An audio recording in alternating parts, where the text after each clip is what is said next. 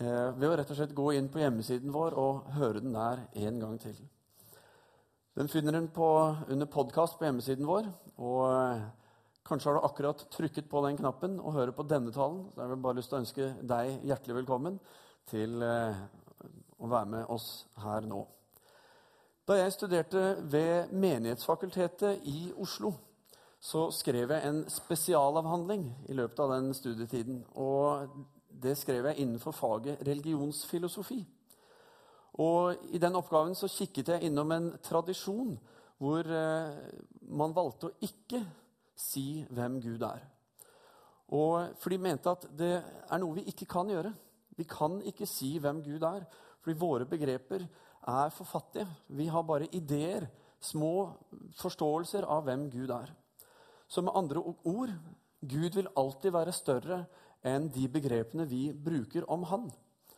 Eh, for eksempel, så Hvis jeg sier at Gud er god, så har jeg begrenset Guds godhet til min forståelse av hva godhet er.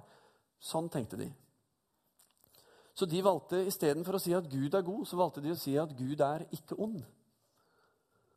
Og da fikk du et større rom der for Guds godhet. ikke sant? Så man avgrenset med å si hva Gud ikke er, framfor å si hva Gud er. Såkalt negativ teologi, eller eh, apofatisk teologi på fint. Hvis du syns du får en litt tung start på denne talen, så eh, vil jeg bare si hold deg fast, fordi nå synker vi straks.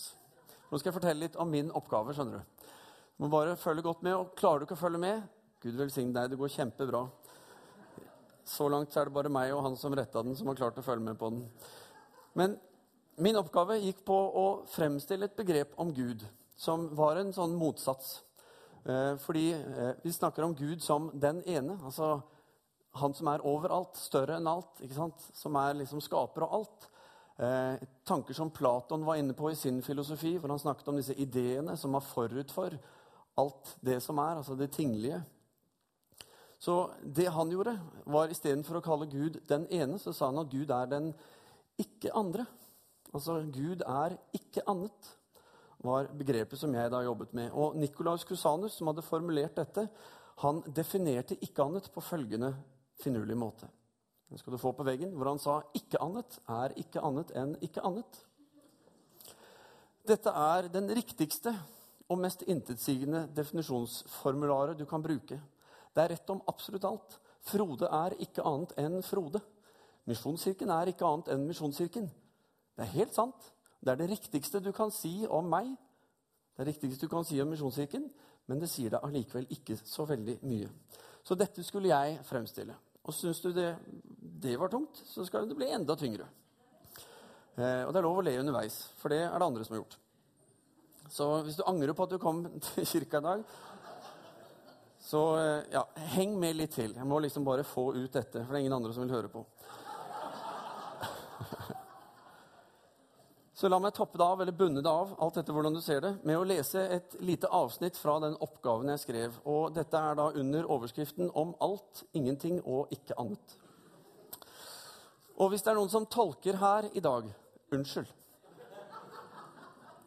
Bare så det er sagt. Vi leser. Ikke annet er alt, og dermed også ingenting, siden ingenting er en del av alt. Som vi så i vårt forrige punkt, så er annet alt annet enn ikke annet, samtidig som i annet er ikke annet ikke annet enn annet. Dermed er ikke annet ikke bare ikke annet, men også alt annet. Ikke annet ses i alt og ingenting, fordi når alt og ingenting ses, ja, så ses både alt og ingenting og ikke annet. Så vi kan altså si at ikke annet er altets alt og ingentingets ingenting.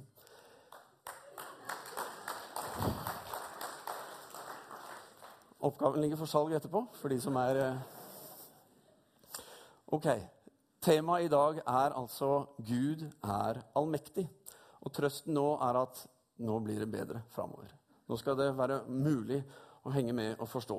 Og Vi skal begynne med å lese fra Johannes' åpenbaring i kapittel 1 og vers 8, hvor det står Jeg er alfa og omega, sier Herren Gud, Han som er, og som var, og som kommer den allmektige. Alfa det er den første bokstaven i det greske alfabetet. Og omega det er den siste bokstaven i det greske alfabetet. Så Gud sier med andre ord at 'jeg er den første', og før meg var det ingenting. For det er ingenting før bokstaven alfa i det greske alfabetet. Så sier han 'jeg er omega'. Med andre ord 'jeg er den aller siste'. For det er ingenting etter omega i det greske alfabetet. Var en måte å si at 'jeg er først, og jeg er sist'. Og sånn er det. Og har du første ordet og siste ordet i saken, ja, da har du egentlig all makt over saken. Og fordi Gud er nettopp alfa og omega, så er Gud den som skaper alt liv. Han er den som står bak alt liv og gir alle ting liv. Gud har designet livet fra det minste kromosom og til de ytterste galakser. Eh, Gud skapte alt, og han skapte det av ingenting annet enn sin vilje. Når jeg skaper noe, når jeg liksom blir kreativ, og skal lage noe, snekre noe f.eks., så er jeg avhengig altså jeg er alltid avhengig av ting. Altså ting som er skapt, som eksisterer, for å skape noe nytt. Og selv om jeg tenker noe oppi hodet mitt som på en måte ikke er ting, som er noe jeg skaper der, så må jeg bruke noe skapt allikevel for å realisere det. Men det må ikke Gud. Han skaper ut av ingenting, men rett og slett ut av sin gode vilje. Så Gud som skapte verden, han kan altså da også tilintetgjøre verden. Altså, han er alfa og omega. Ser vi på bibelhistoriene, og det er mange av de, eh, så ser vi hvordan Gud griper inn og påvirker og kan gjøre ting i naturen eh, som nettopp er med på å synliggjøre hans allmakt. Eh, ta historien om Noas ark. Bare å forestille seg at du samler to hannkjønn, altså et hannkjønn og et hunnkjønn av hvert dyr og av hver fugl inn på én plass på denne jordkloden, det er jo en betydelig oppgave. Men det står at det skjedde. De kom dit. Noah bygde arken, Gud fikk dyrene på plass.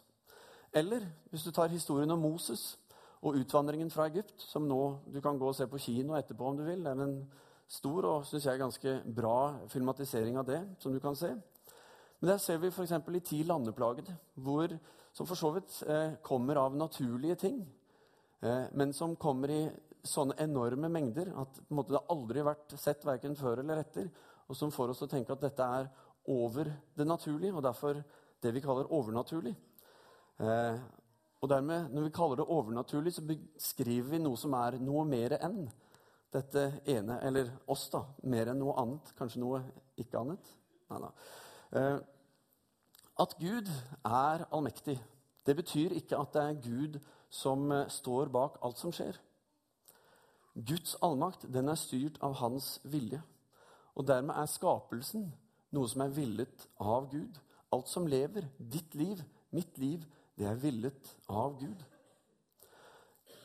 Og så er det sånn at alle muligheters eksistens er villet av Gud.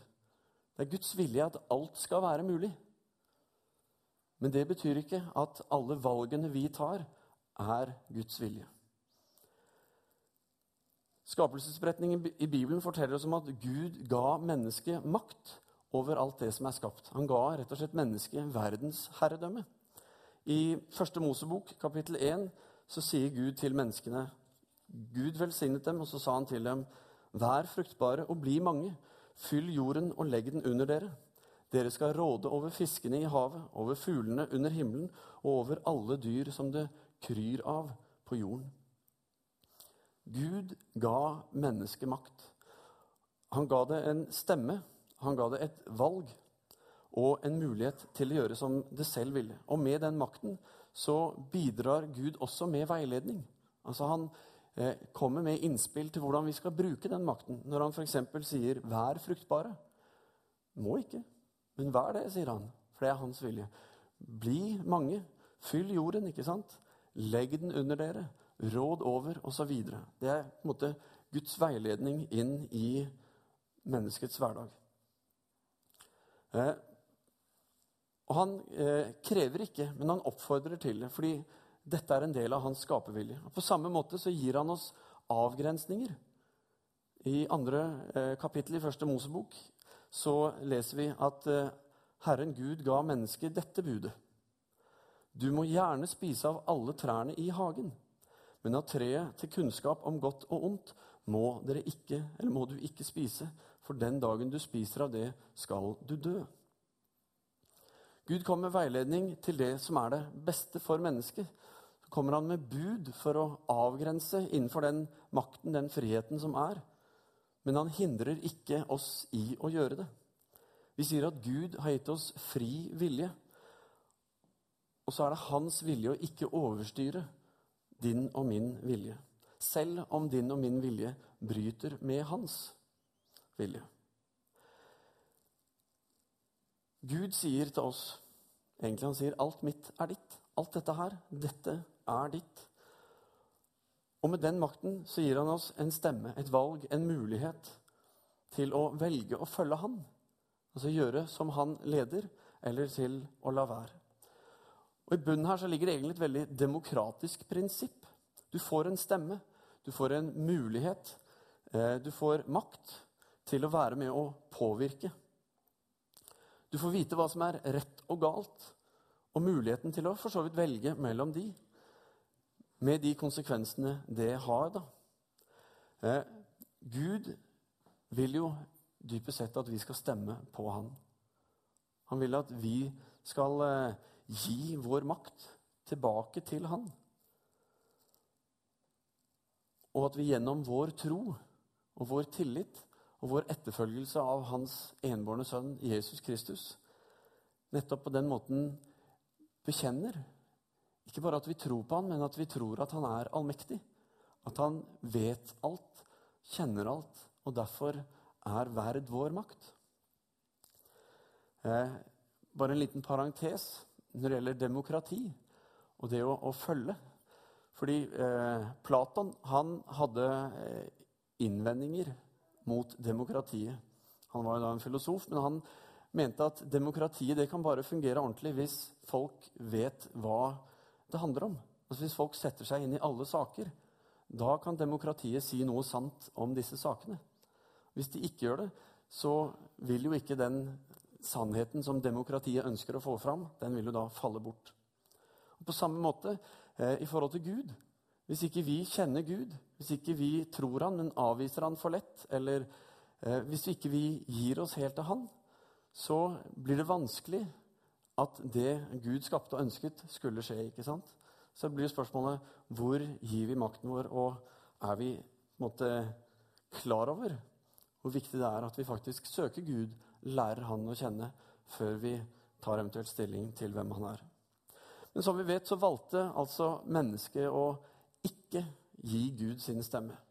Vi ga den makten vi hadde fått, den ga vi til den onde, til djevelen, som i skapelsesfortellingen er legemliggjort ved slangen som kommer inn og frister. Og fristelsen, årsaken eh, til den maktovergivelsen som skjer, det handler jo om at vi trodde det ville gjøre oss lik Gud. At vi på en måte, i egen kraft kunne bli sånn som Gud. Og med det så eh, ga vi det verdensherredømmet vi hadde fått ga vi til den onde, til djevelen. Og dermed så ble den ondes natur vår natur. Altså synden kom inn og ble en del av vårt liv, av vår natur. Og så ble vi slaver under synden. Og vi ser det at når eh, djevelen frister Jesus, som vi leser om i, i begynnelsen av evangeliene, så er et av fristepunktene det er han sier, 'Jeg skal gi deg verdensherredømme'. Alt, hele jorden, skal du få makt over om du bare kneler ned og tilber meg, sier han. Men Jesus avviser den fristelsen. Han klarte det mennesket vi ikke klarte. Men sann frihet ligger nettopp i friheten til å kunne velge hva som helst, uansett. Og Paulus sier noe om det i 1. Korinterbrev 6, hvor han sier jeg har lov til alt, men ikke alt tjener til det gode. Jeg har lov til alt, men jeg skal ikke la noe få makt over meg. Den friheten har vi til å kunne få lov til å gjøre alt. Men samtidig så er synden noe der som begrenser friheten for oss, nettopp fordi synden har fått makt over oss. Og det påvirker oss og får oss til å tro f.eks. at vi ikke er gode nok. At vi, Gud kanskje ikke bryr seg om oss. Eller at vi er ikke verdige til å komme fram for Gud fordi vi har gjort så mye gærent i det siste. Vi tenkte sånn eller sa det eller glemte det eller hva det måtte være. Så er synden inne, og så holder den oss tilbake og holder oss nede og hindrer oss i det Gud ønsker for oss. Og alt dette fordi vi ga vår stemme til det onde. Så er vi underlagt syndens makt. Bare for å ta et eksempel på den makten. Tenk på penger. Penger er ikke synd. Penger er nødvendig, for så vidt. Men vårt forhold til penger kan få makt over oss. Vi kan bli bundet av hvordan pengene styrer vår hverdag, våre tanker, i forhold til hva vi må, ikke må, osv., hva vi ønsker. Og så kan det være med å hindre oss i å komme til Gud. Fordi vi blir så opptatt med andre ting, eller vi får andre verdier, osv. Og Derfor sier Paulus i Romerne 7 han sier Eh, mitt indre menneske sier med glede ja til Guds lov. Men jeg merker en annen lov inni lemmene mine. Den kjemper mot loven i mitt sinn, og så tar den meg til fange under syndens lov, som er i lemmene mine. Men, et stort og godt men, Gud har ikke overlatt oss i vår synd. Guds kjærlighet til oss som er så stor at han ga oss alt at han ga oss fri vilje og verdensherredømme. Han lengter etter at vi med våre liv skal gi han vår stemme. For når vi gir Gud vår stemme ved å tro på han og følge han, så får vi makt til å stå imot og overvinne syndens makt i våre liv. Så det som holder oss nede, som bryter oss ned, og som eh, alt fra eh, tunge tanker osv. som holder oss nede. Dette kan vi overvinne ved Guds makt. Altså, vi får en enda større makt enn det vi fikk første gangen, fordi nå er den basert på det Jesus gjorde da han gikk i døden og overvant dødens makt og syndens makt. Så når vi nå gir vår stemme til Gud gjennom å tro på Han, så blir vi ett med Kristus, altså ett med Jesus, snakker Bibelen om når vi bekjenner vår tro til Jesus som den som har eh, gått uskyldig i døden og tatt på seg din og min straff, som har båret din og min skyld, din og min synd, så eh, blir vi gjort ett med Han. Så på grunn av troen på Jesu død, som død og som oppstanden, så blir vi åndelig sett både begravet sammen med Kristus og oppreist fra graven med Han. Paulus sier i Romerne 6, vers 5.: Har vi vokst sammen med Kristus i en død som er lik hans, skal vi være ett med han i en oppstandelse som er lik hans. Dåpen er et symbol på dette. Når vi har dåp i dåpsbassenget her, og vi tar dåpskandidaten ned under vannet, så sier vi 'begravet med Kristus'. Og når vi ca. tre minutter etterpå Nei da, men ganske fort etterpå eh, tar de opp igjen, så sier vi 'oppreist med Kristus'. For å symbolisere at vi er ett med Han. At det som skjedde med Han, det skjedde med oss fordi han kunne gjøre det, og han gjorde det for oss. I vers 9 i samme kapittel så sier Paulus vi vet jo at når Kristus er oppreist fra de døde, så dør han ikke mer. Døden har ikke lenger makt over han. Vi får altså del i en makt som er langt større. Så tar vi en tur tilbake til Edens hage. Gud sa til Adam og Eva.: Dersom dere spiser av dette treet, så skal dere dø. Det var altså ikke snakk om en fysisk død, fordi de spiste jo av den frukten. Og de falt ikke om og døde, og så stoppet det der. Men de levde jo videre. Men istedenfor en fysisk død så ble det en, en åndelig død. Fordi det livet vi var skapt til, altså gudsnærværet, Guds ånd i oss, gikk tapt. Det døde med vår synd. Men pga. Jesu død og oppstandelse så får vi ikke bare det åndelige livet tilbake når vi tror på Han, men vi får det i evighet. Vi får evig liv. Slik at selv om kroppene våre dør, så fortsetter livet i evighet med Han. Og dette også er med og vitner om nettopp Guds allmakt. Og ikke bare har vi vunnet evig liv, men det verdensherredømmet som vi fikk, og som vi ga bort, det får vi nå tilbake i form av et større herredømme, Guds rike. Et rike som er over, større enn denne verdens rammer og begrensninger. Og ved vår tro blir vi som sagt ett med Jesus, og dermed får vi del i det som var Jesus sitt, som er hans, gjennom hans døde oppstandelse. Og da kan vi med andre ord leve, faktisk. Så kan vi leve slik Jesus levde. Vi kan få lov til å ha en interaksjon med andre mennesker slik Jesus hadde det. Gjøre det han gjorde, og være det han var. Det er vi kalt til. Det får vi lov til. Men det krever jo også at vi gir vår stemme tilbake til Gud.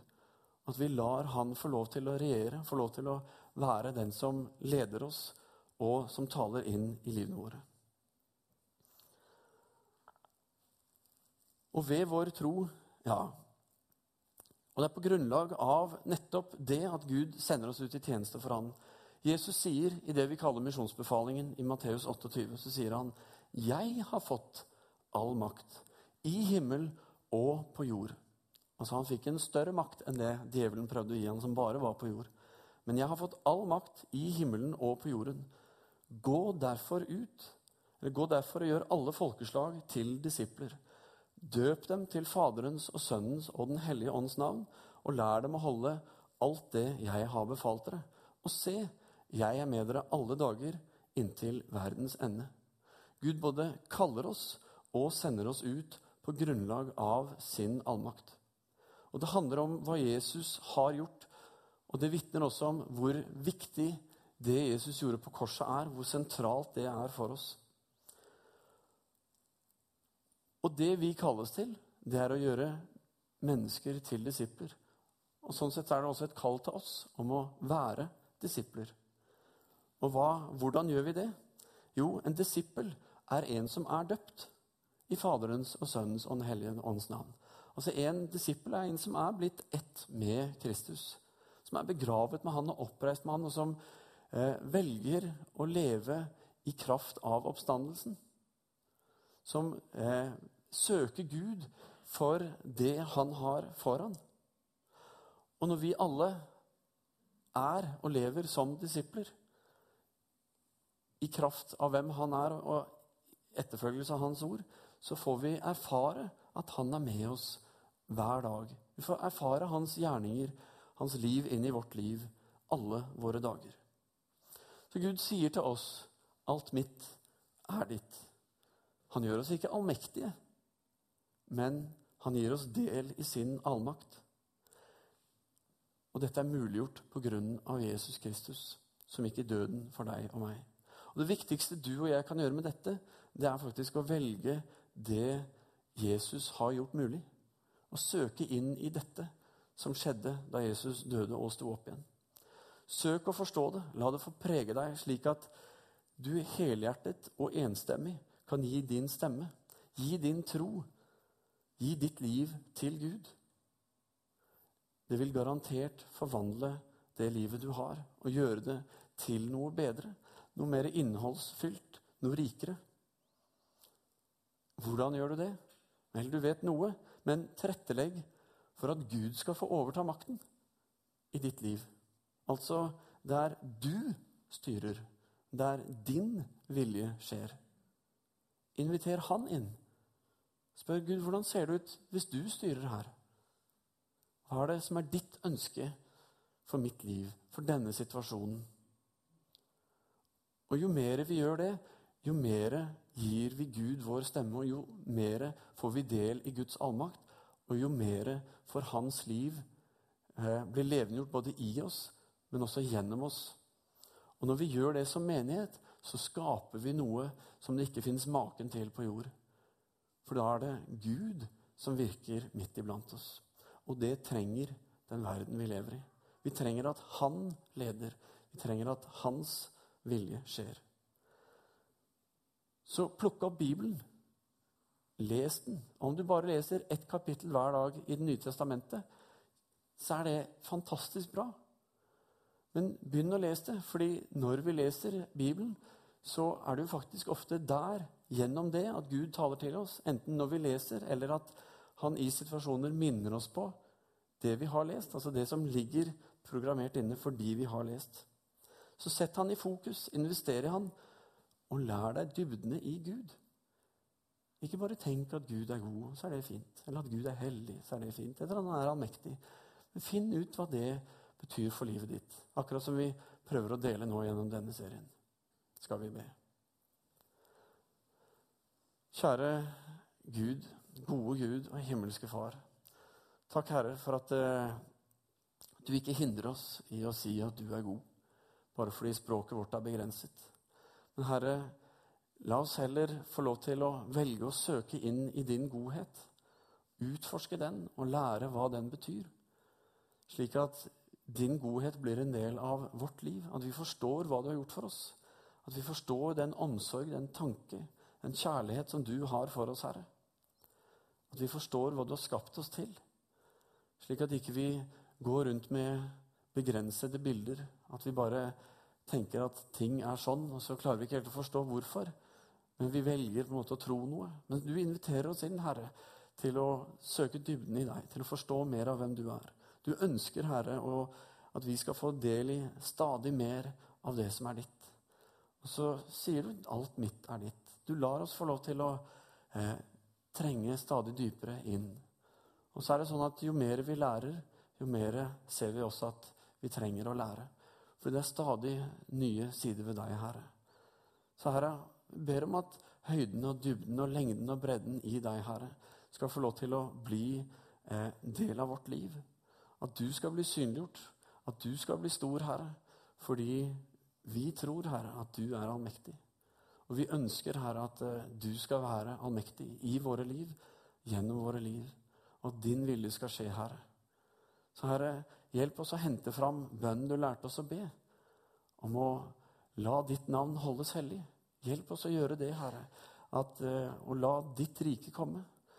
Eh, og la din vilje skje på jorden som den skjer i himmelen.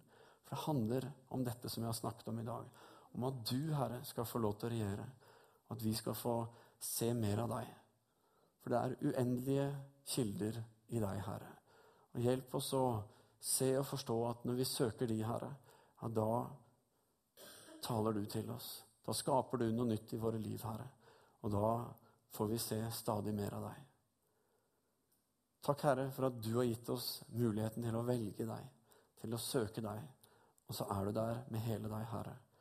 Vi takker og priser deg i Jesu navn. Amen.